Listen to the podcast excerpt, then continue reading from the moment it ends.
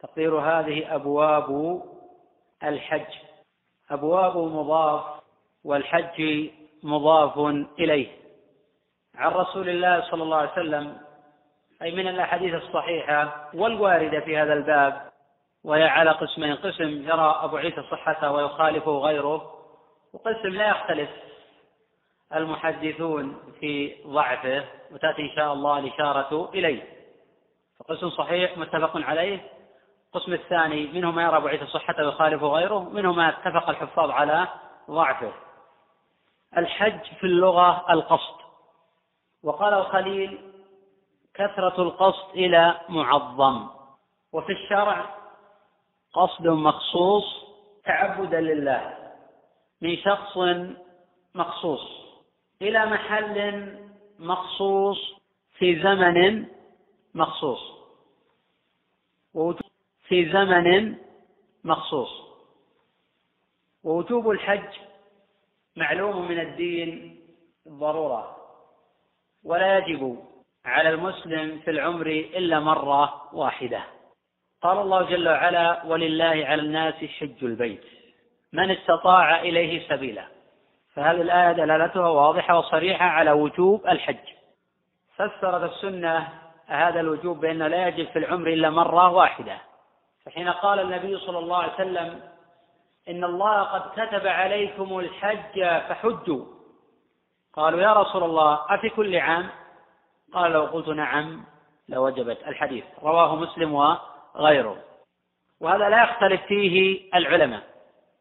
فإن الحج لا يجب على العبد في العمر إلا مرة واحدة ما لم يوجبه على نفسه بنذر. فيتعين عليه. فيجب عليه المسارعة إلى الوفاء بالنذر.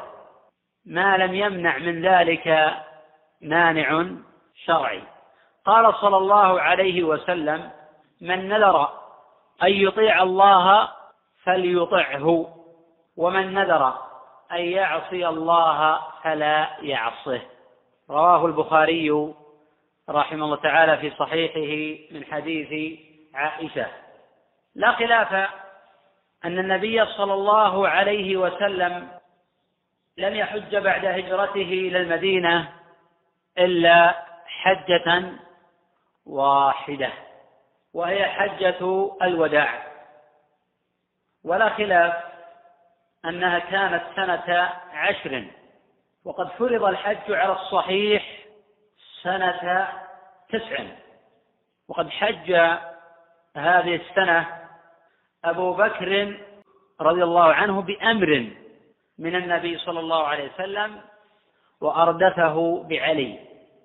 وقد أخذ من هذا طائفة من الفقهاء أن الحج على التراخي وليس على الفور. لأنه فرض في السنة التاسعة وقيل قبل ذلك فرض ولم يحج النبي صلى الله عليه وسلم إلا في السنة العاشرة وهذا أمر متفق عليه. وقال آخرون يجب الحج على الفور.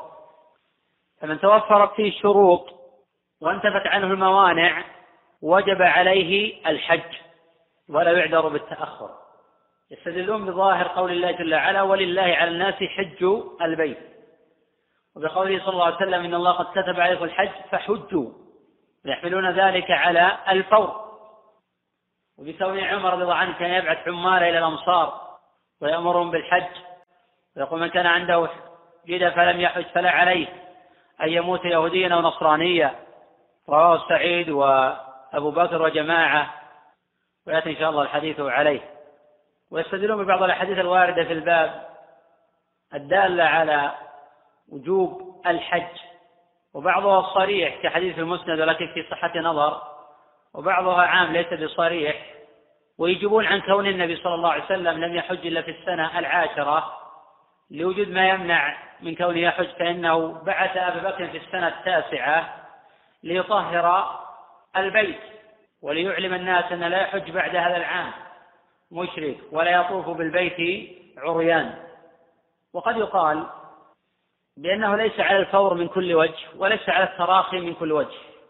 فإنه حين يقال بأنه على التراخي ما حد هذا؟ التراخي. وحين يقال بأنه على الفور فقد لا يتيسر للإنسان صحبة صالحة أو لم يتيسر له تعلم أحكام المناسك. فيحج فيجعل الحلال حراما والحرام حلالا ويقع في كثير من المحظورات ويدع بعض الواجبات. فإذا تيسر له الرفقة الصالحة وتوفرت الشروط الأخرى فإنه على الفور. ويجب عليه بذل الجهد في توفر هذه الأمور لأن ما لا يتم الواجب إلا به فهو واجب. إذا امتنع وجود رفقة صالحة في هذا الوقت فلا حرج أن يؤخر الحج إلى السنة القادمة. قال أبو عيسى رحمه الله تعالى باب ما جاء في حرمة مكة. وقد جاءت الأدلة مصرحة بأن الله جل وعلا حرم مكة منذ خلق السماوات والأرض. وجاء قوله صلى الله عليه وسلم إن مكة حرمها الله حرمها الله تعالى ولم يحرمها الناس. وقد خص الله جل وعلا هذا البلد بخصائص. وذهب الجمهور بأن مكة أفضل البقاع وأحبها إلى الله. قال أبو عيسى حدثنا قتيبة بن سعيد وقتيبة بن سعيد ابن جميل ويقال لأن جده جميلا كان مولى للحجاج بن يوسف الثقفي. روى عنه الجماعة سوى ابن ماجه فقد روى عنه بواسطة. وقد أثنى عليه الإمام أحمد ووثقه ابن معين. قال ابن حبان وقد أثنى عليه الإمام أحمد ووثقه ابن معين. قال ابن حبان رحمه الله مات سنة أربعين ومائتين وكان مولده وكان مولده سنة خمسين ومائة وكان من المتقنين في الحديث والمتبحرين في السنن وانتحالها.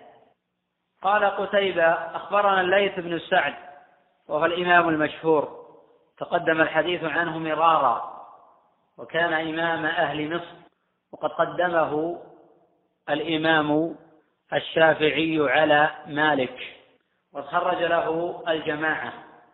قال الليث عن سعيد بن أبي سعيد المقبري تقدم الحديث عنه وهو ثقة وقد خرج له الجماعة. عن أبي شريح العدوي ابن عمرو وهذا الذي ذكره الترمذي في جامعه وكذا سماه البخاري ومسلم. وقيل عكسه وقيل هانئ ابن عمرو وقيل غير ذلك. وقد أسلم قبل الفتح قاله ابن سعد وغيره. وقد مات بالمدينة سنة ثمان وخمسين وقيل سنة ثمان وستين.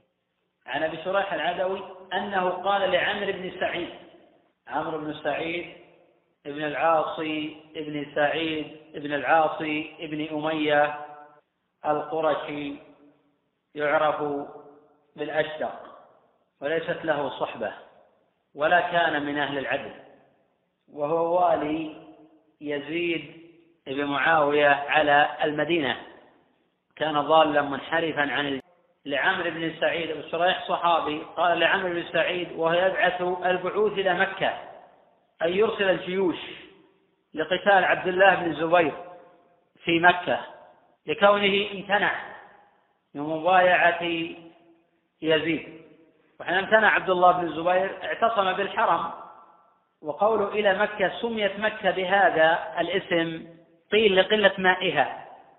وقيل لأنها تمك الذنوب أي تذهب بها وتمك الظالم أي تهلكه. وقيل لازدحام الناس بها يبك بعضهم بعضا. وقيل غير ذلك والجمهور على أن مكة أفضل البقاع. وأحبها إلى الله. وقال الإمام مالك وطائفة من العلماء بأن المدينة أفضل. والصواب ما ذهب إلى الأدلة وكثرتها في هذه المسألة. وفي كل خير. تواترت الأحاديث في فضل مكة وكونها أحب البقاع إلى الله. وتواترت الأحاديث عن رسول الله صلى الله عليه وسلم في فضل المدينة وعظيم منزلتها وأنها حرم ما بين عير إلى تور وأن من أحدث فيها حدث فعليه لعنة الله والملائكة والناس أجمعين وقال صلى الله عليه وسلم المدينة خير لهم لو كانوا يعلمون وغير ذلك من الأدلة المتفق على صحتها. قوله إذا لي أيها الأمير بالياء. أصل الكلمة همزتان أبدلت الهمزة الثانية بالياء. عند الابتداء. ويطلبه السماح بتحديثه عن رسول الله صلى الله عليه وسلم. ليكون هذا أوقع في نفسه وأوعد في الفهم. ولو لم يأذن له ليكون هذا أوقع في نفسه وأوعد في الفهم. ولو لم يأذن له ليس معنى هذا أن يمتنع من تحديثه ووعظه وإرشاده. ولكنه لا يستفيد. ففي الأدب عند مخاطبة الآخرين وإن كانوا ظالمين أو معتدين. لأن المتحدث ينشد من وراء ذلك التأثير على المخاطب وينشد من وراء ذلك صده عن القتال في الحرم والاعتداء على الآخرين. قول أحدثك قولا أحدثك بالجزم جواب الطلب ويجوز بالرفع. قولا قام به رسول الله صلى الله عليه وسلم صلى الله عليه وسلم الغد من يوم الفتح. أي اليوم الثاني من يوم الفتح. وقد كان الفتح في رمضان في السنة الثامنة من الهجرة. قول سمعته أذناي يعني لم أتلقى هذا بواسطة. فقد سمعته أذناي وحفظته وأحمله إليك بغير واسطة. وفي نفس الوقت كان عمرو بن سعيد لا يتهم أبا شريح بالكذب. فأراد أيضا أن يخبر أنه لم يتلقى هذا عن أحد ولم يكن بوصاية من أحد وهذا لا ينافي عدالة الصحابة فإن الصحابة كلهم عدول ليس فيهم أحد يكذب على رسول الله صلى الله عليه وسلم. ومن زعم ذلك في أحد منهم فقد قال قولا عظيما وارتكب إثما كبيرا. قول ووعاه قلب رضا ويؤخذ من هذا أن العقل محله القلب لا الدماغ. يؤخذ من هذا أن العقل محله القلب لا الدماغ. لقوله ووعاه قلبي وهذا مذهب الجمهور. وقال آخرون بأن العقل محله الدماغ. والقول الثالث في المسألة أنه مشترك بين القلب وبين الدماغ.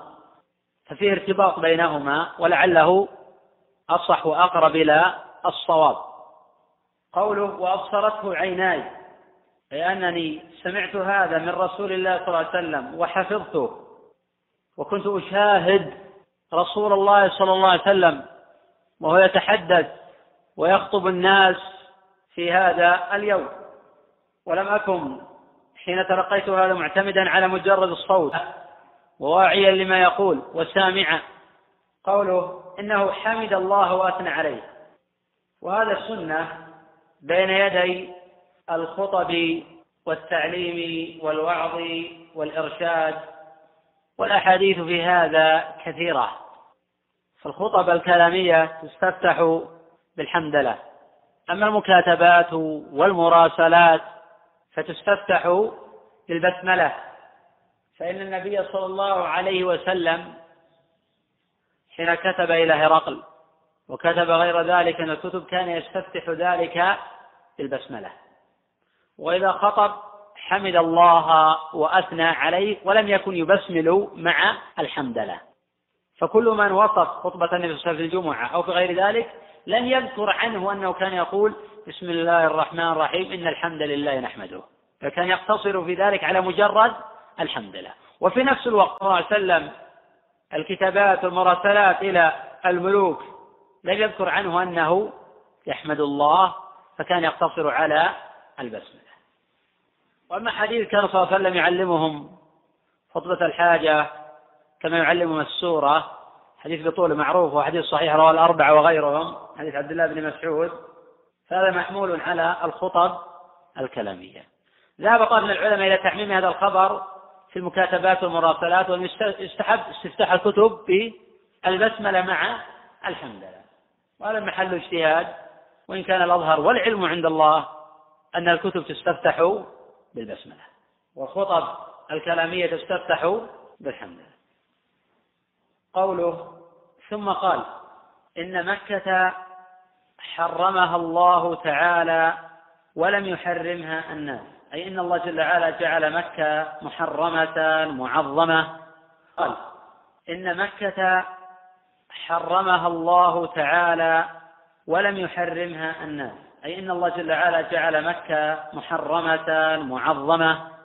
والناس لا يزالون بخير بخير ما عظموا الكعبة. روى ذلك ابن خزيمة وغيره. وتحريم مكة ثابت بالأدلة القطعية. قوله ولم يحرمها الناس أي أن الله جل وعلا حكم بتحريمها وقضاه.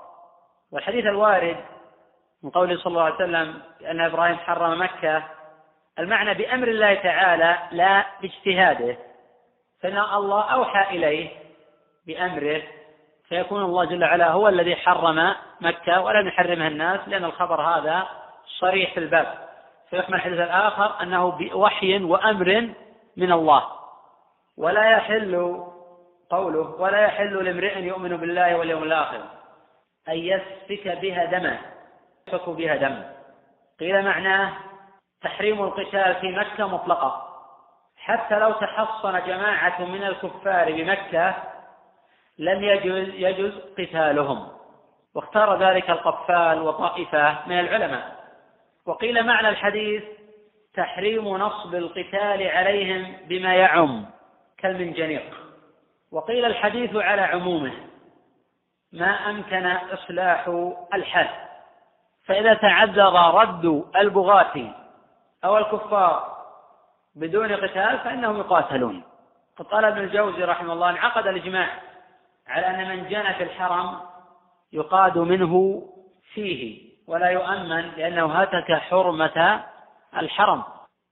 وقيل يضيق عليه ويلجأ إلى الخروج من الحرم وإلا فلا حرج من القصاص منه في الحرم. وقد ذهب طائفة من العلماء إلى التفريق بين من جنى في الحرم فهذا يقاد منه فيه وبين من ارتكب جناية خارج الحرم ثم لجأ إلى الحرم.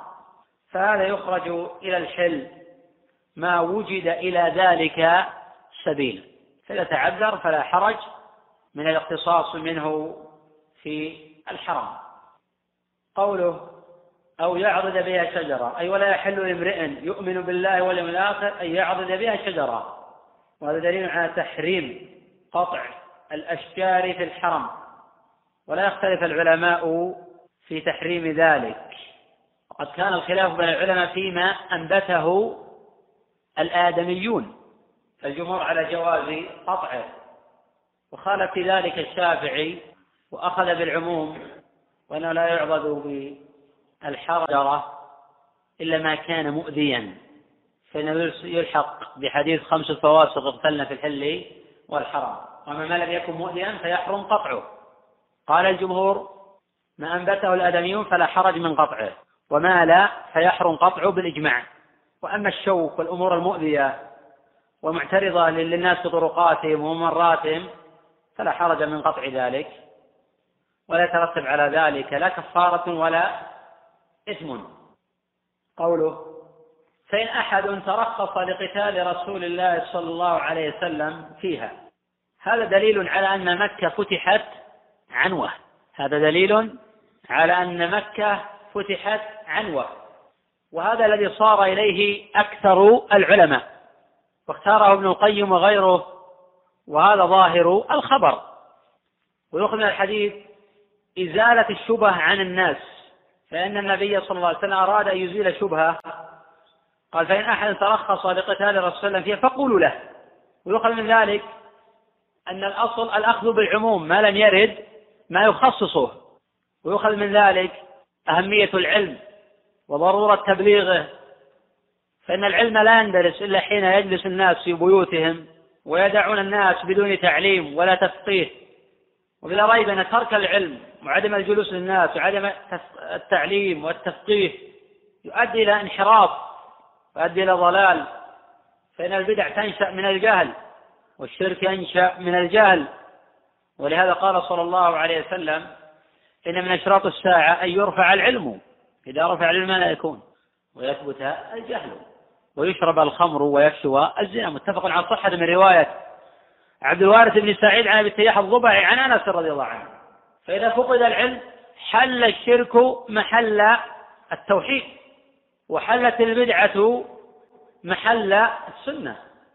وحل الجور محل العدل.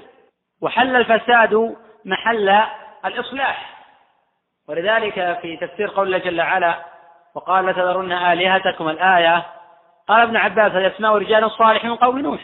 أوحى الشيطان إليهم أن ينصبوا إلى مجالسهم التي كانوا يجلسون فيها أنصابا ففعلوا ولم تعبد حتى إذا نسخ العلم عبدوهم. رواه البخاري في صحيحه من طريق ابن جريج عن عطاء عن ابن عباس رضي الله عنهما. فلذلك أمر النبي صلى الله عليه وسلم بتبليغ العلم وإزالة الشبهة بدليل قوله فقولوا له فقولوا له. وذا قال صلى الله عليه وسلم؟ نظر الله امرأ سمع مقالتي فوعاها فأداها كما سمعها فرب مبلغ أوعى من سامع. وهذا متواتر عن رسول الله صلى الله عليه وسلم. رواه الترمذي وغيره بسند صحيح. قوله إن الله أذن لرسوله صلى الله عليه وسلم. في معنى قول الله جل وعلا إن هو إلا وحي يوحى ولم يأذن لك. إن الله أذن للرسول صلى الله عليه وسلم ولم يأذن لك. في معنى قول الله جل وعلا فاستقم كما أمرت. ومن جميل كلام سفيان رحمه الله تعالى أنه كان يقول من استطاع منكم ألا يحك رأسه إلا بأثر فليفعل. إشارة إلى طبعا هذا الأثر رواه الخطيب. في الكفاية. هذا إشارة إلى قوة الاتباع والاعتصام بالآثار تتبع مواطنها والعمل بمقتضاها. فإن هذا العلم عظيم ومن عظمته أنه لا يقال فيه بالرأي. العقل استفاد في فهم النصوص في توجيهها في تنزيلها على الواقع في معرفة المطلق من المقيد. العقل استفاد في فهم النصوص في توجيهها. في تنزيلها على الواقع في معرفة المطلق من المقيد والعام من الخاص الناسخ من المنسوخ. وفي ضم الأحاديث بعضها إلى بعض. وفي تنزيل آه، الفروع على الأصول. أما كونه يحاكم الشرع إلى العقل المجرد فهذا ضلال. لأنه لابد يبنى على الكتاب وعلى اتبعوا ما أنزل إليكم من ربكم. ولا تتبعوا من دونه أولياء. قال صلى الله عليه وسلم عليكم بسنتي وحديث صحيح. إني تارك فيكم ما إن تمسكتم به لن تضلوا كتاب الله. رواه مسلم وغيره. فيستفاد من العقل في الفهم والتوجيه والتوعية والاستيعاب ونحو ذلك. لأن بعض الناس قد يعتصم بالنص ولكنه لا يفهم النص. وهذا انحراف آخر لأنه يضع الدليل في غير موضعه ويستدل به على باطله.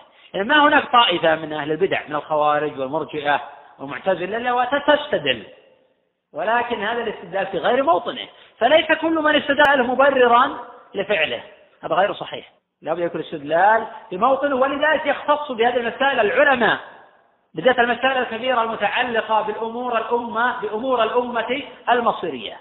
دون العامة وأنصاف المتعلمين فهؤلاء يكون ضررهم وفسادهم أكثر من إصلاحهم. قوله وإنما أذن لي فيها ساعة من نهار. أي أذن الله ساعة الساعة المقدار من الزمن. الساعة المقدار من الزمن. أي مدة من النهار. وقد عادت حرمتها اليوم كحرمتها بالأمس. وليبلغ الشاهد الغائب. ففي دلالة على قول الحق. يخشون أحدا إلا الله. فإن عمرو بن سعيد كان ظالما. ولم يتهيب أبو شريح من قول الحق له ونصحه ووعظه وإرشاده وتذكير بالله جل وعلا فهذه مهمة العلماء وهذه رسالتهم وهذه دعوتهم. فإن العلماء ورثة الأنبياء وحين يكتم العالم ما علمه الله فإن الشر يستشري في الأمة ويعم الفساد. الإنسان لا يتهيب أحدا في قول الحق. إن شاء الله يظن يراعي المصالح ويدرى المفاسد ولكن الحق يجب قوله إذا دعت إلى ذلك المصلحة والحاجة. أخذ الله ميثاق الذين أوتوا الكتاب لتبيننه للناس ولا تكتمونه. فنبذوه وراء ظهورهم العلماء في أعناقهم أمانة في رقابهم رسالة يجب عليهم أداؤها وقولها والصدع بها وتوجيه الناس وتوعيتهم. وتوعيتهم. وليست مهمة العالم مجرد الفتوى في بعض المسائل الفقهية المتعلقة بالصلاة أو الصيام أو الحج. هذه من أنواع ومن مهمة العالم وله مهمة أخرى أيضا في توجيه المجتمع الحديث عن الأمور الداخلية والخارجية والأمور المتعلقة والأمور المصيرية والأمور المتعلقة سواء كانت بالسياسات أو بالحكومات أو بغير ذلك ما دام يفقه هذا الباب ويعرف ويتقن ويجب عليه أن يدرسه ويفهمه ويستوعبه لأن مهمة العالم أكبر من التعلق بمجرد فتاوى في أحكام الصلاة وما يتعلق بذلك ولكن هذه مهمة عظيمة. مهمة يجب عليه أيضا أن يبذلها وينشرها لأن يترتب على هنا لذلك فساد في الأرض. ولكن له مهمة أخرى أيضا متعلقة بأمور أخرى كواقع الصحابة كواقع أبي بكر وواقع عمر وواقع عثمان هؤلاء. وهذا هو السر في كون بعض يشترط في الحاكم ليكون عالما. ليكون مدركا لواقع الحال. إذا لم يكن عالما يجب يكون حوله علماء. يرشدونه ويعلمونه ويوجهونه ولا يكتمون الحق ويلبسون من أجل مطامع دنيوية. يقولون الحق حيثما توجهت ركائبه. ويؤخذ من ذلك ضرورة نشر السنة بين الأنام. لقول صلى الله عليه وسلم وليبلغ الشاهد الغائب. لهم بحاجة إلى نشر السنة وتعليم الناس ووعظهم وإرشادهم وفي فضل علم الحديث؟ لأن التبليغ يكون بالأثار.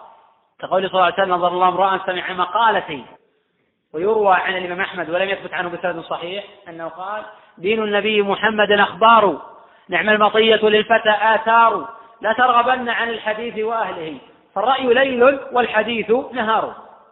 ولربما جهل الفتى أثر الهدى والشمس بازغة لها أنوار. والحديث نهار.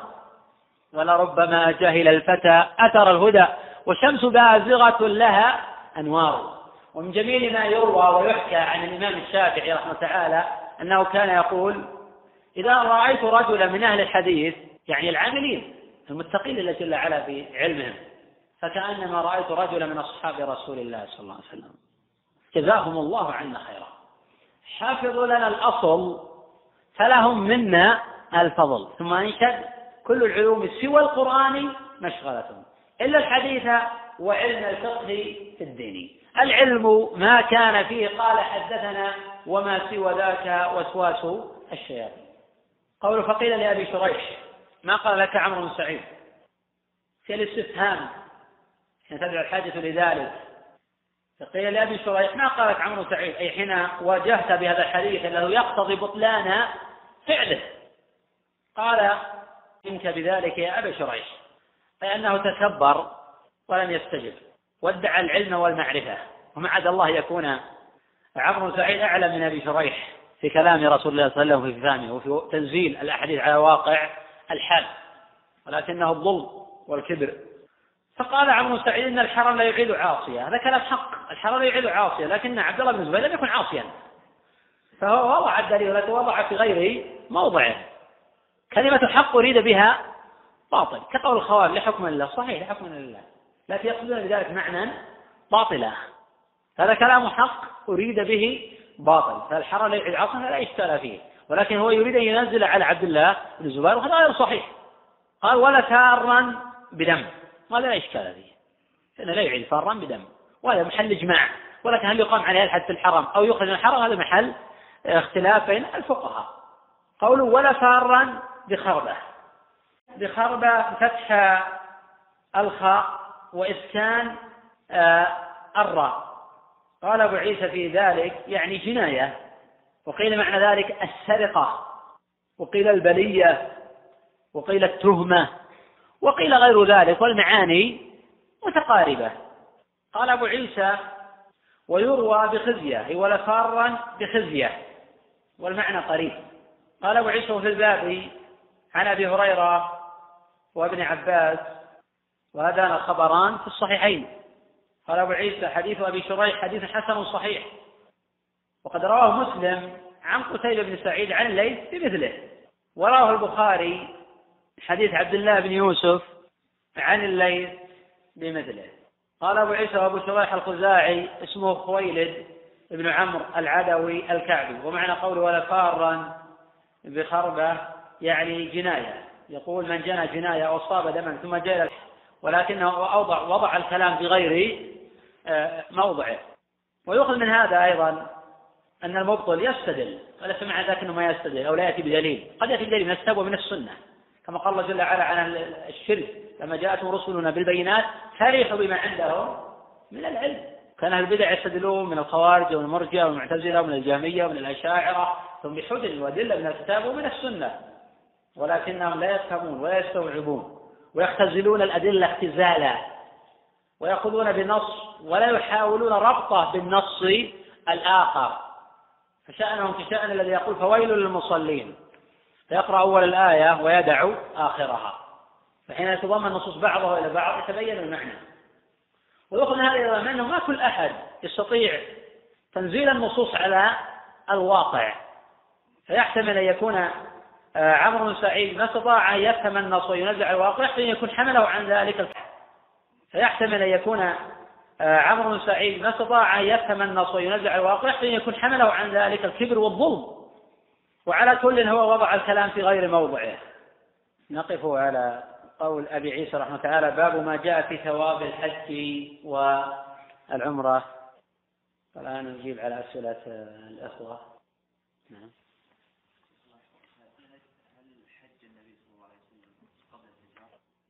هو وردت أحاديث وأشار إلى بعضها أبو عيسى ويأتي إن شاء الله الحديث عنها أن النبي صلى الله عليه وسلم حج قبل الهجرة. وجاءت حديث ثابت صريح أن النبي صلى الله عليه وسلم وقف ورأى الحمص لكن لم يثبت أن ذلك كان يعني كان حاجا. والحديث المصرحة بأن النبي صلى الله عليه وسلم آه، حج آه، قبل الهجرة لم يثبت من ذلك. في حديث جابر أن النبي صلى الله عليه وسلم حج ثلاث حجج حجتين قبل أن يهاجر وحجة بعدما هاجر. هذا خبر لم يعرف من حديث زيد بن حباب وأشار الله تعالى إلى علته وإلى آه، ضعفه ولم يثبت ذلك آه، شيء. وحين قيل كم حج النبي صلى الله عليه وسلم؟ قال حجة واحدة. فيحتاج يكون معنى أو قصده حج حجة واحدة بعد الهجرة. ويحتاج يكون معنى كلامه حج حجة واحدة قبل الهجرة وبعد آه، الهجرة. فيحتاج يكون كلامه حج حجة واحدة بعد الهجرة. ويحتاج يكون معنى أعداد قبل الهجرة وبعد الهجرة. وحديث أنس متفق على صحته هذا السائل الأخ محمد من مصر يقول السلام عليكم ورحمة الله وبركاته. وعليكم السلام ورحمة الله وبركاته. نشهد الله على حبكم وحبكم الله الذي أحببتموني فيه وجزاكم الله خيرا. يقول أنا أستخدم بطاقة فيزا وأريد الحج وليس لدي مبلغ كافي فأريد أن أسحب من البطاقة. ويقوم السحب من راتبي الشهري الذي يليه مع أخذ فوائد. ما حكم ذلك جزيتم خيرا؟ يستدين لي أحج. لأن الله أسقط عنه الحج. ولأن الحج مظنة للهلاك أو عدم الرجوع عن ذلك فلا يشرع حينئذ أن الإنسان يستدين ليحج. بل يحج بخالص ماله وبنفقة آه، حلال. ويبذل جهده ألا يستدين. ولا سيما إذا كانت الاستدانة من البنوك الربوية. التي تستفيد من هذا؟ وكون يقتطعون من راتبه وهم يأخذون على ذلك بعض الفوائد. نعم بعض البنوك لا تأخذ بعض الفوائد إلا إذا تأخر. فأنا أنصح هذا الأخ. إذا كانوا يأخذون بعض الفوائد ولو لم يتأخر هذا حرام مطلقا لا يجوز في أي حال من الأحوال.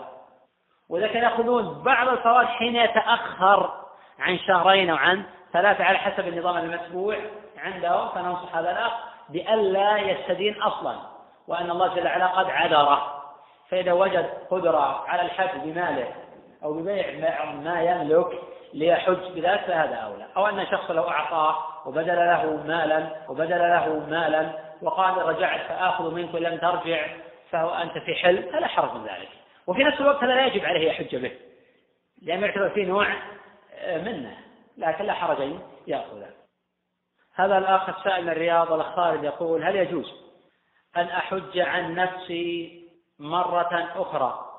إذا كنت أعتقد أن حجي في المرة السابقة غير مقبول أم أقوم بالحج عن شخص آخر؟ الأخ لم يذكر في سؤاله ما هو السبب أو ما هي الأسباب والمسوغات التي تبلورت في خالد في علمه أن هذا الحج غير مقبول.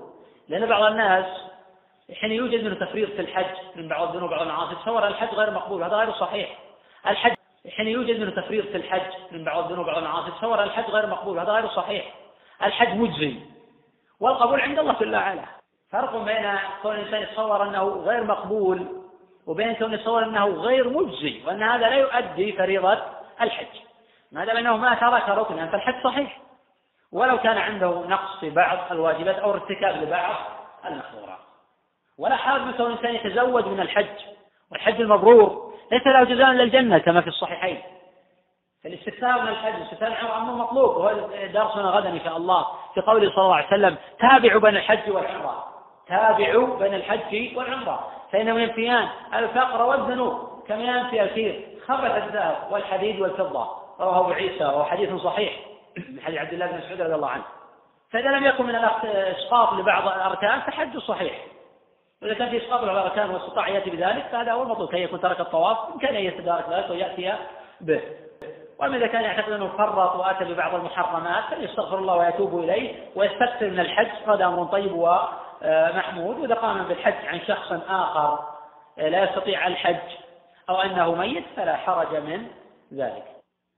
السؤال الأخ أحمد من الأحساء يقول هل الحج عن إنسان ميت أو لا يقدر على الحج بمبلغ مالي جائز. ثم سأل أيضا المنطقة الشرقية يقول ما صحة قول من أعرض أعرض الله عنه. هذا قطعة من حديث في النبي صلى الله عليه وسلم قال أخبركم بأمر هؤلاء الثلاثة. أما ذاك فأعرض فأعرض الله عنه. فهذا الذي يعرض عن الحق يعرض عن سماع الحق يعرض عن سماع الحجة. ولكن يتعذر تارة تنزيل النص على العين لأنه قد لا يكون أعرض عن عن فهمك السقيم وعن آه، مطالبتك بحالة النفس إلى فهمك وإلى علمك وأنت لا تملك هذه الآليات المؤدية إلى العلم وإلى الفتوى ونحو ذلك فقد يعرض الإنسان عن الجهل حقيقه يقول أنا ما أعرف عنها أنا عرفت عن الجهل. بالتالي يفصل في هذا الباب تفصيلا أوسع. على كل هذا قطعة من آه، حديث وحديث في الصحيحين حديث واقد الليثي رضي الله عنه. أما السؤال الأول المتعلق بالأخ أحمد بن الأحساء يقول الحج عن إنسان ميت أو لا يقدر على الحج بمبلغ مالي جائز. هذا في تفصيل. أولا الحج عن الحي لا يجوز إلا إذا لم يحج الحي آه، فرضا وأما الحج عن الميت فلا حرج من ذلك سواء كان محتسبا أو بمبلغ مالي. إذا كان لا يقصد المال كما قال شيخ الإسلام ابن تيمية رحمه الله فرق بين من حج ليأخذ وبين من أخذ ليحج. فهذا الذي يأخذ ليحج هو لا يستطيع أن يصل إلى الحج ولكن أخذ حج هذا لا حرج عليه. أما الذي لا يحج إلا ليأخذ. فهذا كما غيره ليس له عند الله من حظ ولا آه، نصيب. فننصح الأخ بالإخلاص ويكون القصد الله دراهم ولو زاد شيء من لا حرج من ذلك. لكن بعض الناس الآن يشترطون وتوجد والعياذ بالله الآن آه، آه، منافسات ومبالغات تأخذ المال في الحج عن غير. وقد تسول بعض الناس له نفسه وشيطانه فيأخذ أكثر من حجة في عام واحد وهذا باطل بالإجماع. ذلك المحرمات المحظورة التي توجد الآن في مجتمعنا ونعايشها. هذا يقول أنا أخوكم في الله من الكويت ويعلم الله أني أحبكم في أحبك الله حبتني فيه يقول هناك شركات تقسط عندنا في الكويت والأقساط تقسم من المعاش شهريا. والشركة تحللني في أن أذهب إلى الحج فليعتبر حج قلنا نعم لا حرج في ذلك ما دام الشركة تعفيه فيما لو قدر حصل الإنسان وفاة نسأل الله يحفظه ويوفقه ويتقبل حجه فلا حرج حين ما دام أن الشركة تنازلت عن حقها. تنازل الرجل عن حقه فلا حرج آه، أن تحدث مسائل مسائل الحج اختلاف. ولعطاء بن رباح قول أو رأي فالصواب مع عطاء هذا ليس على إطلاقه. وإن كان جماعة من العلماء يسمع العطاء في المناسك ونحو ذلك لكن لا يعني هذا أن قول دائما يكون صوابا. في مسائل محفوظة عن عطاء أفتى بها وخالفه غيره والصواب مع الآخرين. ولكن عطاء له تميز وله حضور في فهم المناسك ومعرفته ونحو ذلك ولكن لا يعني هذا أنه يقدم قوله على قول آه، غيره ولكن استفاد من أقوال عطاء وسيتفهم أقوال عطاء وفتاوى عطاء لأنها مأخوذة عن أكابر الصحابة وعن عباس والجماعة ولكن لا يعني هذا أن فتوى عطاء آه، يسلم فيها من كل وجه آه، وتصادر آراء الآخر. ولا سيما أن السلف كانوا يقولون فيما يريدون من مسائل الاجتهاد كلامنا صواب يحتمل الخطأ وكلام غيرنا خطأ يحتمل الصواب أعتذر الأخوة الأسئلة كثيرة فنحاول نأخذ الدرس الثاني وهو كتاب التوحيد. كتاب آه، التوحيد. الحمد لله رب العالمين والصلاة والسلام على نبينا محمد وعلى آله وصحبه. قال الإمام أبو عيسى الترمذي رحمه الله تعالى باب ما جاء في ثواب الحج والعمرة. باب خبر لمبتدأ محذوف. تقديره هذا باب ما جاء أي من الأحاديث في ثواب أي في جزاء وأجر الحج والعمرة أي من حج أو اعتمر. فإن الله جل وعلا رتب على ذلك أجرا كبيرا وثوابا عظيما. وقد حث النبي صلى الله عليه وسلم على الاستكثار من الحج ومن العمرة فإنهما ينفيان الفقر والذنوب. إلى العمرة كفارة لما بينهما والحج المبرور ليس له جزاء إلا الجنة. قال أبو عيسى رحمه الله حدثنا قتيبة ابن سعيد وأبو سعيد الأشج. تقدم بالأمس قتيبة ابن سعيد في باب ما جاء في حرمة مكة تقدمت ولادته ووفاته. متى ولد قتيبة. ولد قتيبة في سنة ولد فيها إمام عظيم وتوفي فيها إمام عظيم. حاضر بالأمس. نعم.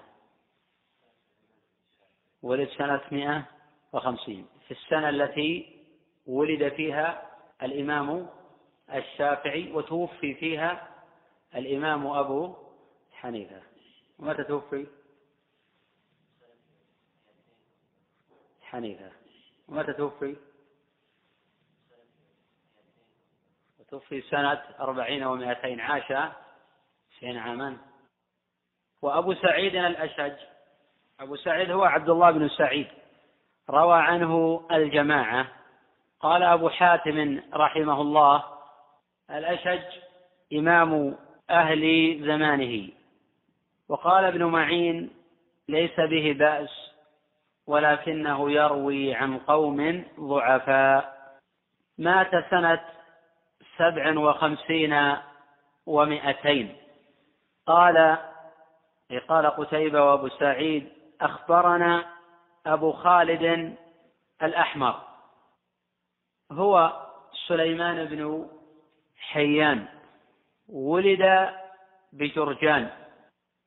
قال رحمه الله ولدت سنة أربع عشر وقال أبو حاتم صدوق. وقد خرج له الجماعة. وقال ابن عدي له أحاديث صالحة. وإنما أتي من سوء حفظه فيغلط ويخطئ. وقد مات سنة تسع وثمانين ومائة قال أبو خالد الأحمر عن عمرو بن قيس وهو الملائي أبو عبد الله الكوفي. خرج له البخاري في الأدب ومسلم في صحيحه والأربعة. وقد وثقه أحمد وابن معين. وقال الحافظ العجلي ثقة ثقة من كبار الكوفيين متعبد. وقال الترمذي في جامعه على حديث معقبات لا يخيب قائلهن. عمرو بن قيس ثقة لا يخيب قائلهن. عمرو بن قيس ثقة حافظ. عن عاصم وهو ابن بهدلة وقد صحح له الترمذي وقال عنه الإمام أحمد كان رجلا صالحا قارئا للقرآن وكان خيرا ثقة.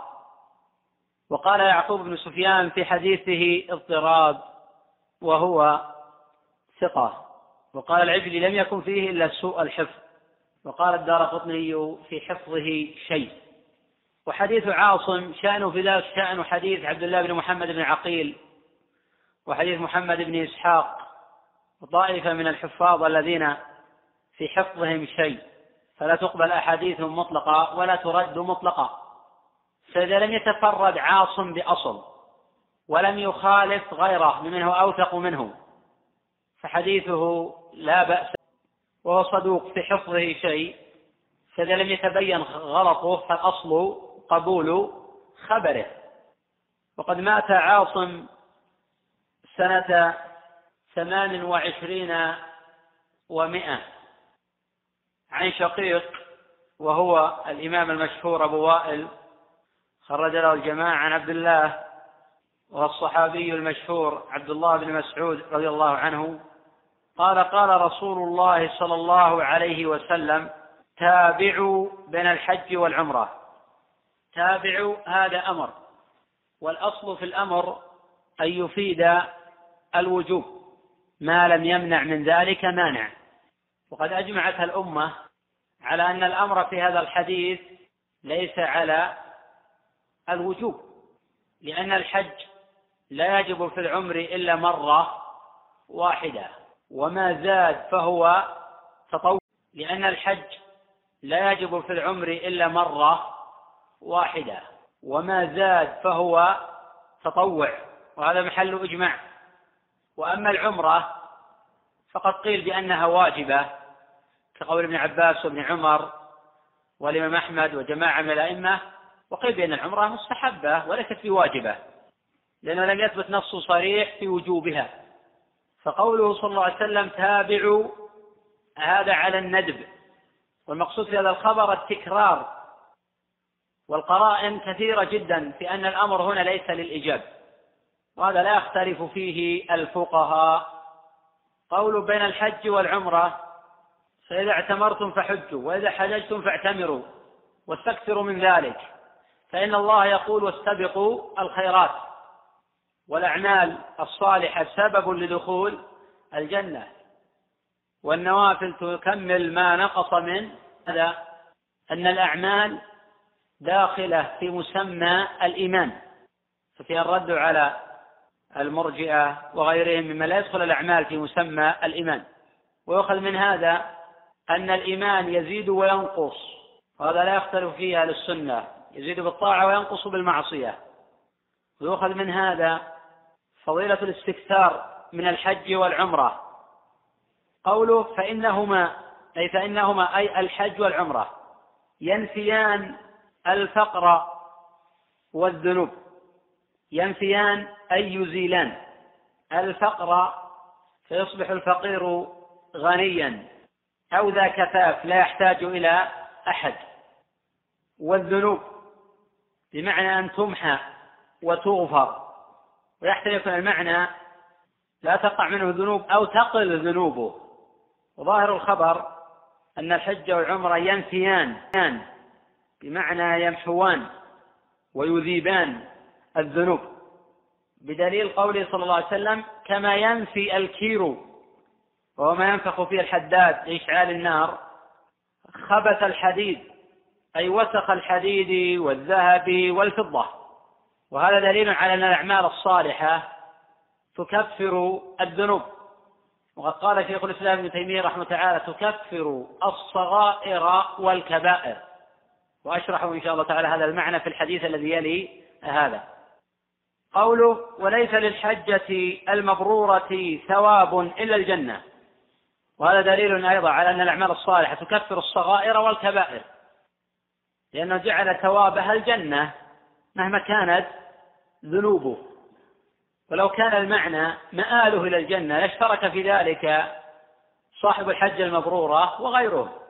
ولو كان معنى هذا مع التوبة لاشترك في ذلك الذي يحج وغيره. فعلم أن مجرد العمل هو السبب في دخول الجنة وأن الله جل وعلا يجازي صاحب الحجة المبرورة بالجنة.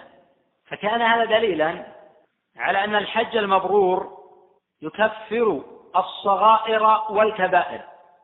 واختار هذا ابن حزم وشيخ الإسلام ابن تيمية وجماعة.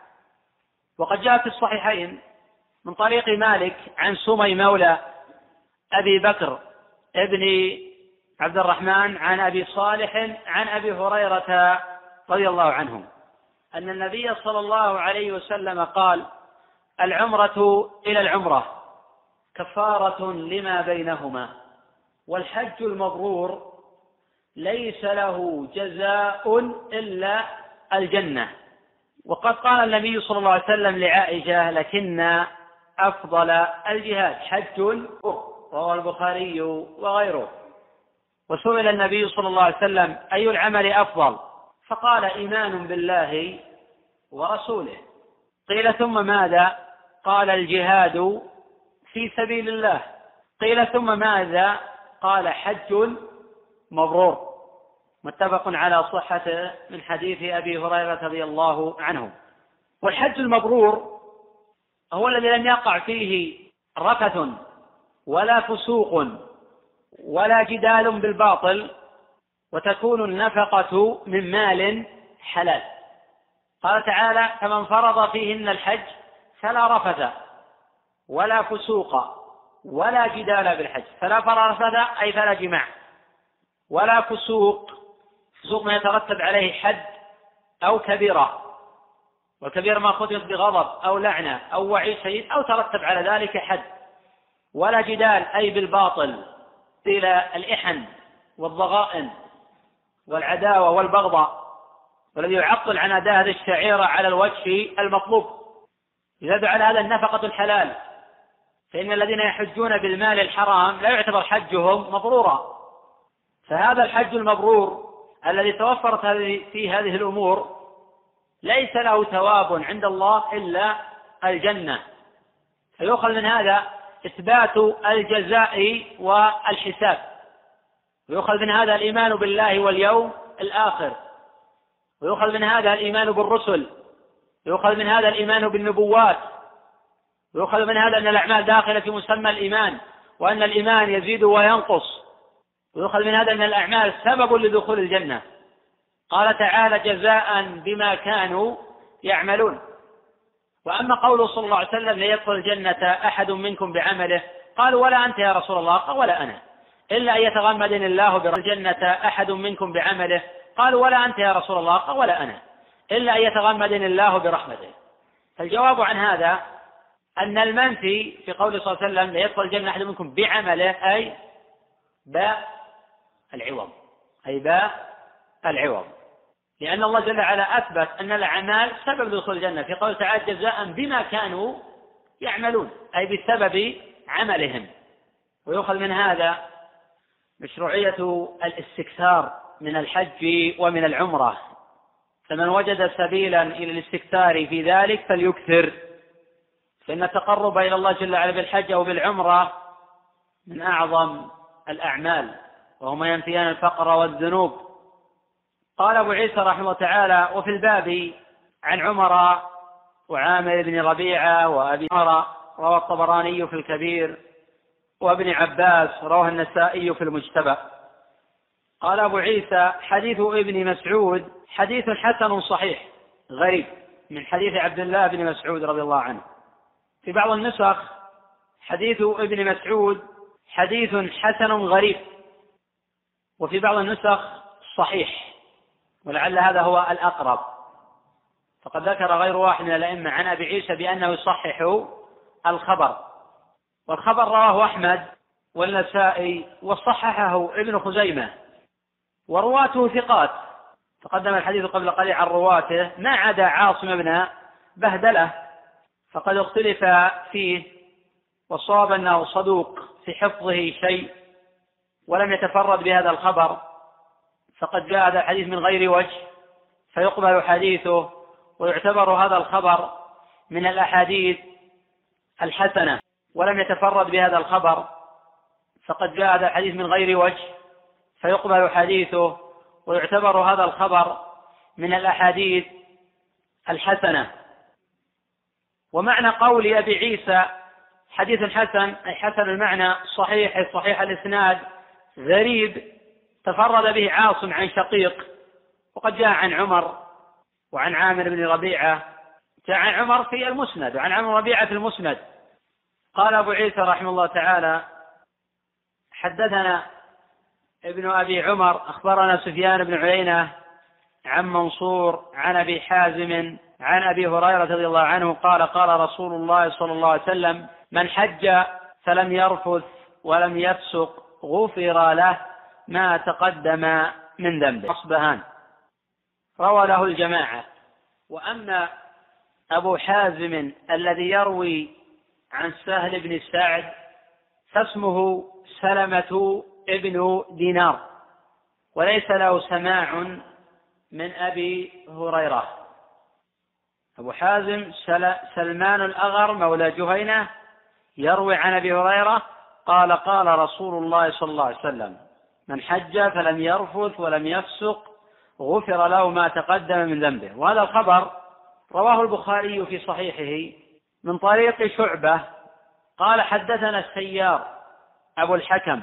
قال سمعت أبا حازم عن أبي هريرة أن النبي صلى الله عليه وسلم قال من حج لله من حج لله فلم يرفث ولم يفسق رجع كيوم ولدته أمه.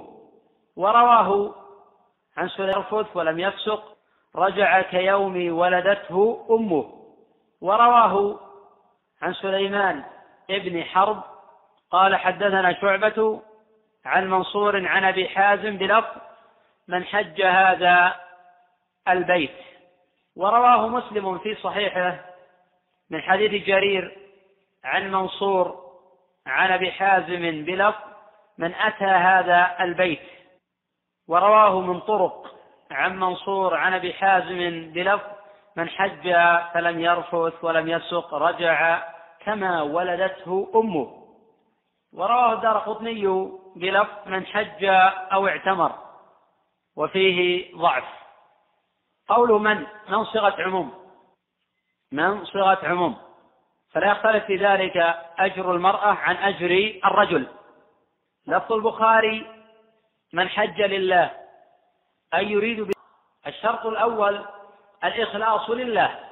قال تعالى وما أمروا إلا ليعبدوا الله مخلصين له الدين وقال تعالى ومن يفعل ذلك ابتغاء مرضات الله فسوف نؤتيه أجرا عظيما وقد جاء في صحيح مسلم من حديث العلاء بن عبد الرحمن بن يعقوب الحرقي مولاهم عن ابيه عن أبي هريرة رضي الله عنه أن النبي صلى الله عليه وسلم قال قال الله تعالى أنا أغنى الشركاء عن الشرك. من عمل عملا أشرك معي فيه غيري تركته وشركه. الشرط الثاني المتابعة. واقتصاد في سنة خير من اجتهاد في بدعة. فحين يكون العمل خالصا لله وليس بموافق للسنة فإنه في بدعة. فحين يكون العمل خالصا لله وليس بموافق للسنة فإنه مردود. وحين يكون العمل موافقا للسنة ولا يراد به وجه الله فإنه مردود. فإن العمل لا يقبل إلا إذا كان خالصا صوابا. قال صلى الله عليه وسلم من أحدث في أمرنا هذا ما ليس منه فهو رد أي مردود على صاحبه. والخبر متفق على صحته من حديث عائشة رضي الله عنها. ولفظ مسلم من أتى هذا البيت من أتى هذا البيت. وهذا يفيد أن الأجر المترتب لا يختص بالحج. أن الأجر المترتب لا يختص بالحج. لأن المعتمر يصدق عليه هذا اللفظ بأنه قد أتى هذا البيت. وقد يقيد هذا اللفظ بالروايات الأخرى المصرحة بمن حج لله. ولا أن مسلما أورد من طرق عن منصور حجة. فلعل رواية من أتى هذا البيت مروية بالمعنى. قوله فلم يرفث. قال تعالى الحج أشهر معلومات. شوال ذو القعدة وعشر من الحجة. فمن فرض فيهن الحج أي فمن أوجب فيهن الحج فلا رفث. قال أكثر العلماء بأن الرفث هو الجماع. وقال الطائفة بأن الرفث الجماع وتوابعه ومقدماته. قوله ولم يفسق. قال تعالى فلا رفث ولا فسوق. أي لم يأتي بأمر مفسق. وقيل أن المعنى هنا المعنى العام. لأن الفسوق هو الخروج عن الطاعة. بمعنى لم يخرج عن الطاعة. فلم يدع واجبا ولم يرتكب محرما. فقد قيل إن حد ما يفسق به العبد أن يأتي بكبيرة. غير وحد الكبيرة ما خطف بغضب أو لعنة أو وعي شديد أو ترتب على ذلك حد. والفسق يطلق على الكفر وقد جاء اطلاق في القرآن بكثرة على الكفر ويطلق على ما دون ذلك كقول الله جل وعلا يا أيها الذين آمنوا إن جاءكم فاسق بنبأ. وكقول الله جل وعلا وكره إليكم الكفر والفسوق والعصيان. إذا الذي يسرق مالا ويحج به يعتبر أتى بمفسق لأن السرقة توجب قطعا ولا يعتبر حجه مبرورا. الذي يرابي في الحج أو يسعى في النميمة في الحج أو يلحد في الحرم. فإن هؤلاء لا يعتبر حجهم مبرورا ولا ينالهم هذا الأجر وهذا الثواب لأنه مخصوص بمن حج لله هذا الإخلاص. فلم يرفث ولم يفسق. يلحق بذلك بقية الشروط الأخرى حيث يؤدي الحج على الوجه المطلوب شرعا. قوله صلى الله عليه وسلم غفر له أي غفر الله له ما تقدم من ذنبه. قال أكثر العلماء أي من الصغائر لأن الكبائر لا تكفر إلا بالتوبة. بدليل ما جاء في مسلم من حديث العلاء بن عبد الرحمن عن أبيه عن أبي هريرة رضي الله عنه أن النبي صلى الله عليه وسلم قال الصلوات الخمس والجمعة إلى الجمعة مكفرات لما بينهن ما لم تغشى الكبائر. ورواه مسلم في صحيحه من حديث أبي هريرة وفيه ورمضان إلى رمضان. وخالف في ذلك الإمام أبو محمد بن حزم شيخ الإسلام وجماعة. وهؤلاء يذهبون إلى أن الأعمال الصالحة قادرة على تكفير الصغائر والكبائر. وقد قال شيخ الإسلام جوابا على من قال الحسنات إنما تكفر الصغائر فقط فأما الكبائر فلا تغفر إلا بالتوبة. لحديث أبي هريرة متقدم قال وجواب هذا من وجوه أحدها أن هذا الشرط جاء في الفرائض كالصلوات الخمس والجمعة وصيام شهر رمضان. فالفرائض مع ترك الكبائر مقتضية لتكفير السيئات واما الأعمال الزائدة من التطوعات فلا بد أن يكون لها ثواب آخر. الثاني أنه قد جاء التصريح في كثير من الأحاديث بأن يكون مع الكبائر. كما في قوله صلى الله عليه وسلم غفر له وإن فر من الزحف. وفي الصحيحين في حديث أبي ذر وإن زنى وإن سرق. الثالث أن قوله صلى الله عليه وسلم لأهل بدر ونحوهم اعملوا ما شئتم فقد غفرت لكم. إن حمل على الصغائر أو على المغفرة مع التوبة. لم يكن فرق بينهم وبين غيرهم. فكما لا يجوز حمل الحديث على الكفر لما قد علم أن الكفر لا يغفر إلا بالتوبة لا يجوز حمله على مجرد الصغائر المكفرة باجتناب الكبائر. وذكر رحمه الله تعالى وجها رابعا وتعليقا على هذا الموضوع في كتابه الإيمان الأوسط. وهو المجلد السابع. ذكر رحمه الله تعالى وجها رابعا وتعليقا على هذا الموضوع في كتابه الإيمان الأوسط. وهو المجلد السابع من الفتاوى فليراجع. وقوله صلى الله عليه وسلم في بعض طرق هذا الحديث رجع كيوم ولدته أمه دلالة قوية على أن الأعمال الصالحة تكفر الصغائر والكبائر. وهذا ليس لكل عمل. إنما هو للأعمال التي جاءت فيها النصوص ويقترن بها من الإخلاص وأداء العبادة على الوجه المطلوب. ولأن قول صلى الله عليه وسلم كما ولدته أمه ليس عليه شيء. ولا يجوز حمل هذا على مجرد الصغائر. فهذا الصريح أو كالصريح في دخول الكبائر في التكفير. ويؤخذ من الحديث فضيلة المتابعة بين الحج. وفي أن الإخلاص شرط للقبول لقبول الأعمال. وفي أن الحج المبرور هو المبرور هو الذي لا رفث ولا فسوق فيه. وفي أن لله جل وعلا. وأهل السنة والجماعة يثبتون ذلك إثباتا بلا تمثيل وتنزيها بلا تعطيل لأن الله جل وعلا ليس كمثله شيء لا في ذاته ولا في صفاته ولا في أفعاله وهو السميع البصير. ويؤخذ من ذلك أن المغفرة لما تقدم من الذنوب.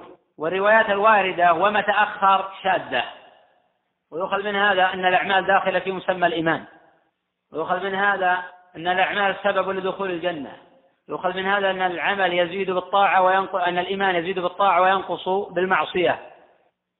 قال أبو عيسى حديث أبي هريرة حديث حسن صحيح. قدم تخريجه أنه متفق على صحته وألفاظه. قال وأبو حازم كوفي وهو الأشجعي. واسمه سلمان مولى عزة الأشجعية.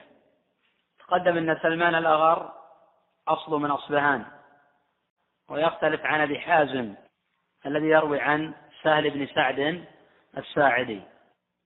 قال أبو عيسى رحمه الله تعالى باب ما جاء من التغليظ في ترك الحج.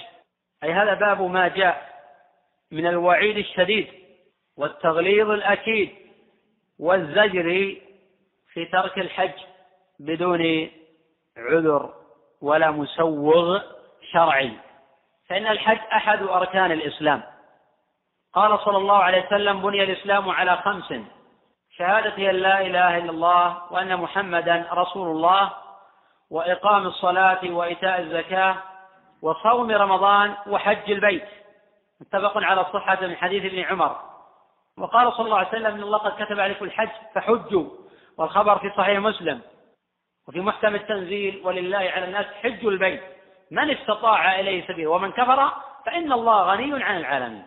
قيل ومن كفر بترك الحج ومن كفر بترك الحج. وهذا قالوا طائفة من العلماء بأن ترك الحج كفر ولو لم يجحد وجوبه. وهذا أحد القولين في مذهب الإمام أحمد. والقول الثاني ومن كفر بجحد وجوبه. وهذا مذهب الجمهور. قال أبو عيسى حدثنا محمد بن يحيى القطعي البصري.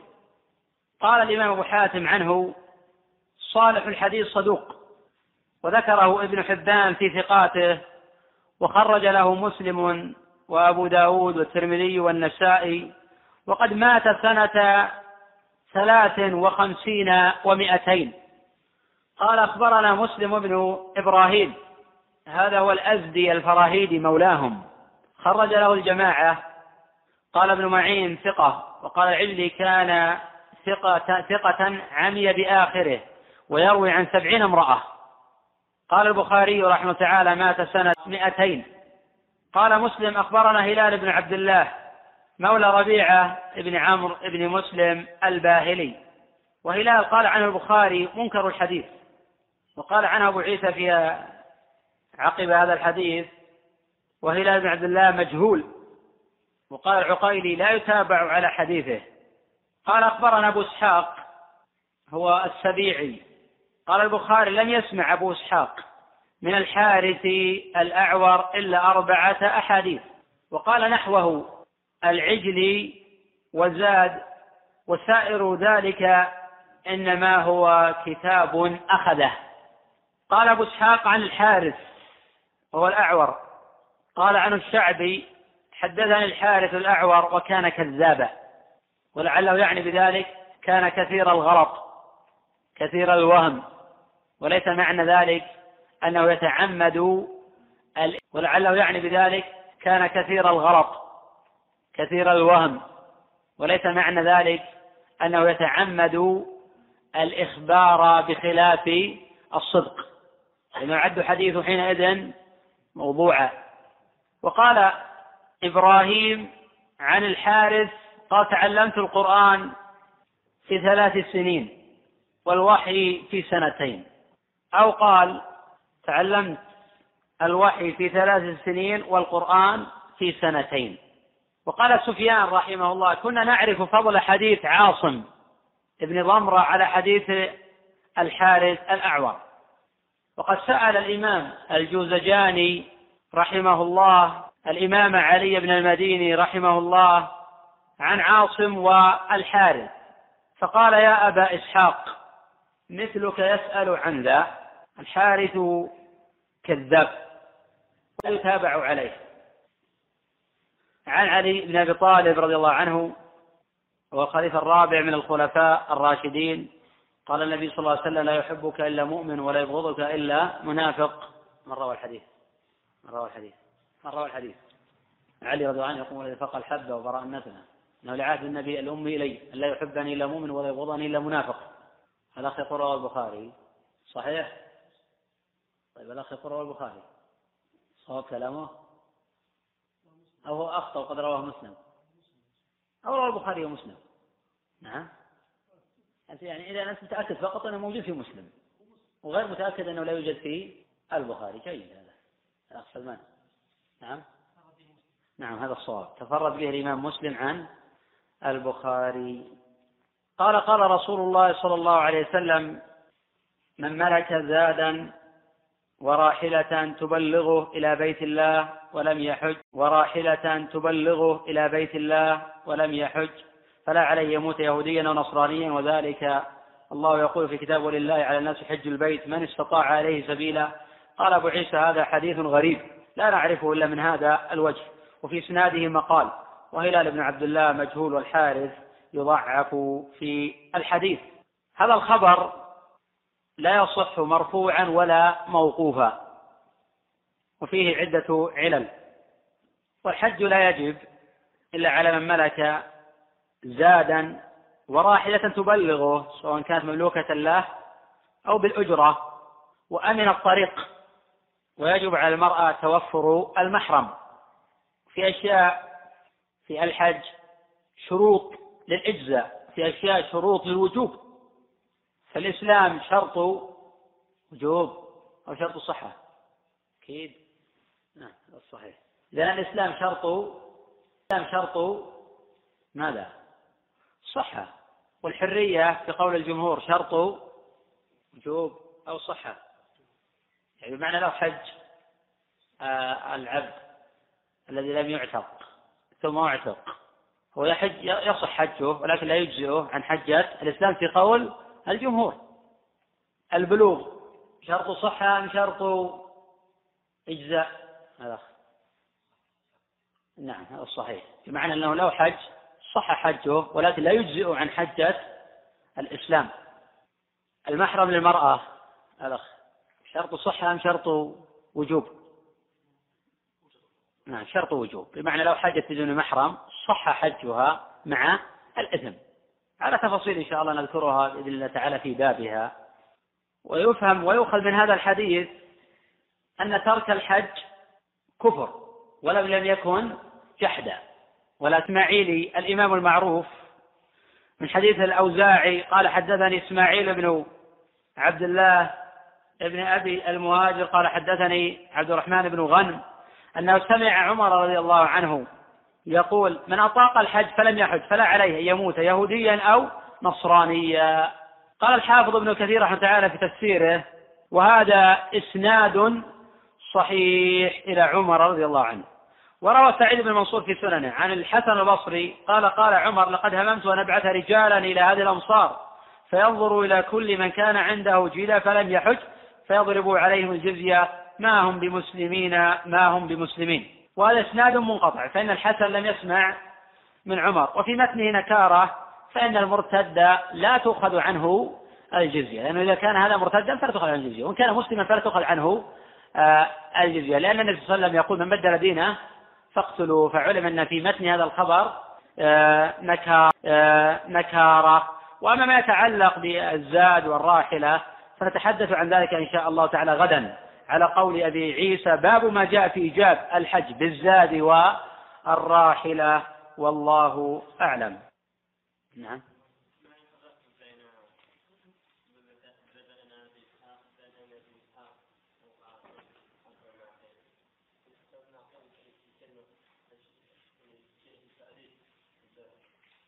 عبد الله بن عقيل. لكن وثقه جماعة عبد الله بن عقيل وقد صح له الترمذي واحتج به أو صحح له الإمام البخاري والحميدي وجماعة من الأكابر. وله أحاديث كثيرة صححها جمع من الحفاظ. له نعم تفردات وله أشياء ساء بها حفظه. ولكن عبد الله بن لا يقل عن عاصم ولا يقل عن آه، محمد بن إسحاق. فهؤلاء أئمة أي يخطئون ويغلطون. فإذا تميز غلطهم ترك ذلك وقبل ما عداه فإذا لم يحصل من هؤلاء تفرد ولا مخالف واثق منهم فيقبلون. عبد الله بن محمد العقيل حين روى عن الحنفية عن علي أن النبي صلى الله عليه وسلم كفن في سبعة في سبعة أثواب كان هذا دليلا على غلط عبد الله بن محمد العقيل فترك حديثه في هذا الحديث أو ترك هذا الحديث من أجله. لأن الثابت والمحفوظ في الصحيحين بأن النبي صلى الله عليه وسلم كفن في ثلاثة أثواب كما في حديث عائشة في الصحيحين. وكان في حديث عبد الله بن عقيل في الوضوء ترك. وكان في حديث الربيع في تقديم الأعضاء وفي المسح على الرأس ثلاثة. هذه حديث تفرد ابن عقيل وتترك ولا يؤخذ بها. فإذا تبين غلطه يترك. وإذا لم يتبين غلطه ولم يخالف غير منه أوثق منه فيقبل حديثه. فقد صحح له آه، البخاري والحميدي وإسحاق والترمذي وجماعة من آه، الحفاظ. فنقبل حديثه على الصحيح في رواية حديثه على الصحيح في رواية علي بن الحنفية عن علي. آه، أن النبي صلى الله عليه وسلم قال افتح الصلاة طهور تحريم التكبير وتحليلها. التسليم هذا حديث جيد وقد تقدم الحديث عنه في أوائل شرح جامع أبي عيسى وتقدم الخلاف والحديث بتوسع عن عبد الله بن محمد بن عقيل وعن محمد بن إسحاق وعن جماعة من هؤلاء. وحين نمر بهم إن شاء الله نعلق بعض التعليقات المختصرة آه، على هؤلاء الأئمة. نعم.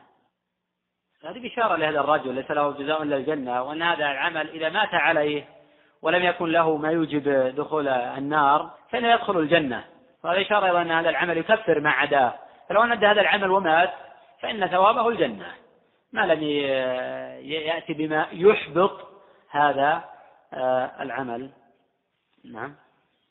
الأخ يقول سؤالا جيدا يقول هل كل من حج حج مبرورا يقابل أنه يكفر الكبائر؟ هذا ليس على إطلاقه ليس كل حج يكفر الكبائر لأنه بما يقوم بقلب بائر لأنه بما يقوم بقلب صاحبه كما أنه ليس كل من عمل عملا صالحا قضي عمله المرأة التي سقت الكلب غفر لها ليس كل من سقى كلبا غفر له كما أنه ليس من كل من عذب هرة دخل النار الحديث الآخر كلاهما في الصحيحين. فإذا قام بقلب صاحب الإخلاص والصدق واليقين وأداء الحج على الوجه المطلوب ففي الظاهر نعم. والأمر إلى الله جل وعلا. لأنه قد يتخلف قد يحج فلن يرفث ولا يفسق ولكن لم يكن عنده من اليقين والصدق. ما يؤدي إلى أن هذا العمل يكفر يقدع تكفير الكبائر. قد نعم يكون الحج مقبولا ولكن ليس فيه مما يؤدي إلى قدرة على تكفير الكبائر. العمل بقوة من الإخلاص والمتابعة والصدق وما يتعلق بذلك. ولكن في الجملة ليس كل عمل يقدر على تكفير آه، الكبائر. هذا سائل من المنطقة الشرقية يقول يا شيخ يقول أنا بإمكاني الحج والمال متوفر ولله الحمد؟ الوالد يريدني أن أؤخر حج هذا العام لتحج معي أختي أختي. هل هذا فيه حرج؟ إذا تيسر لهذا الأخ أن يحج هذا العام وفي عام قابل يحج مع أخته فهذا أفضل. تابع بين الحج والعمرة فإن من فيها الفقر والذنوب. كما ينفي الكير خبث الذهب والحديد والفضة. وإذا لم يتيسر وألح عليه والده أو أمره بذلك فقد يقال أنه لا حرج من التأخير لمصلحة. وهذه أو في مصالح متعددة منها إرضاء الوالد ومنها أنه لا يريد رفض الحج أو لا يمتنع عن الحج. إنما يؤخر لسنة لتحج معه أخته وإن كان الأفضل يبادر لأنه لا يدري ماذا يعرض له. قد تمتنع عقده من العام الماضي أو هو يحصل له ما يعرض له قد يموت. فحين يسارع إلى الحج وفي السنة القادمة إن شاء الله يحج مع أخته هذا أطيب. ولكن إذا دعت الحاجة وألح عليه والده بأن يؤخر وربما لو حج بدون إذن والده لحصل ذلك زعل ومشاكل فلا حرج يؤخره. باعتبار المصلحة والحاجة ولأن النبي صلى الله عليه وسلم حين فرض الحج في السنة التاسعة أخر إلى السنة العاشرة لمصلحة. وذلك أنه بعد أبا بكر أن ينادي أنه لا يحج بعد هذا العام مشرك ولا يطوف بالبيت آه، عريان. الأخ يقول آه، تابع بين الحج والعمرة هل يدخل في ذلك المرأة؟ الصواب يدخل في ذلك المرأة لأن النبي صلى الله عليه وسلم لكن أفضل الجهاد حج آه، مبرور أما قول هذه ثم لزمنا الحصر منهم من حمله طبعا على الاستحباب ومنهم من قال هذا خاص بزوجات النبي صلى الله عليه وسلم. ومنهم من قالوا على الاستحباب لحديث أفضل الجهاد حج مبرور. هذا إشارة وتشريع عام. وأما هذه تمزمنا الحصر قد يقال على أن الاستحباب أو يقال ذاك أقوى أو يقال هذا خاص أقوى أو يقال هذا خاص بزوجات النبي صلى الله عليه وسلم. فعموما قول صلى الله عليه وسلم من الحج والعمرة تدخل المرأة في هذا الأجر وفي هذا آه، الثواب. الأخ يقول عائلة حج قارنين ولم يسوقوا الهدي. سوق الهدي ليس شرطا للقران ولكنه مستحب ومتأكد آه الاستحباب.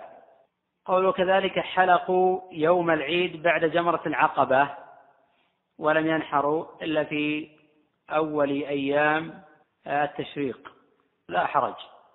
إذا حلق بعد رمي جمرة العقبة لأنه أخذ بالترتيب.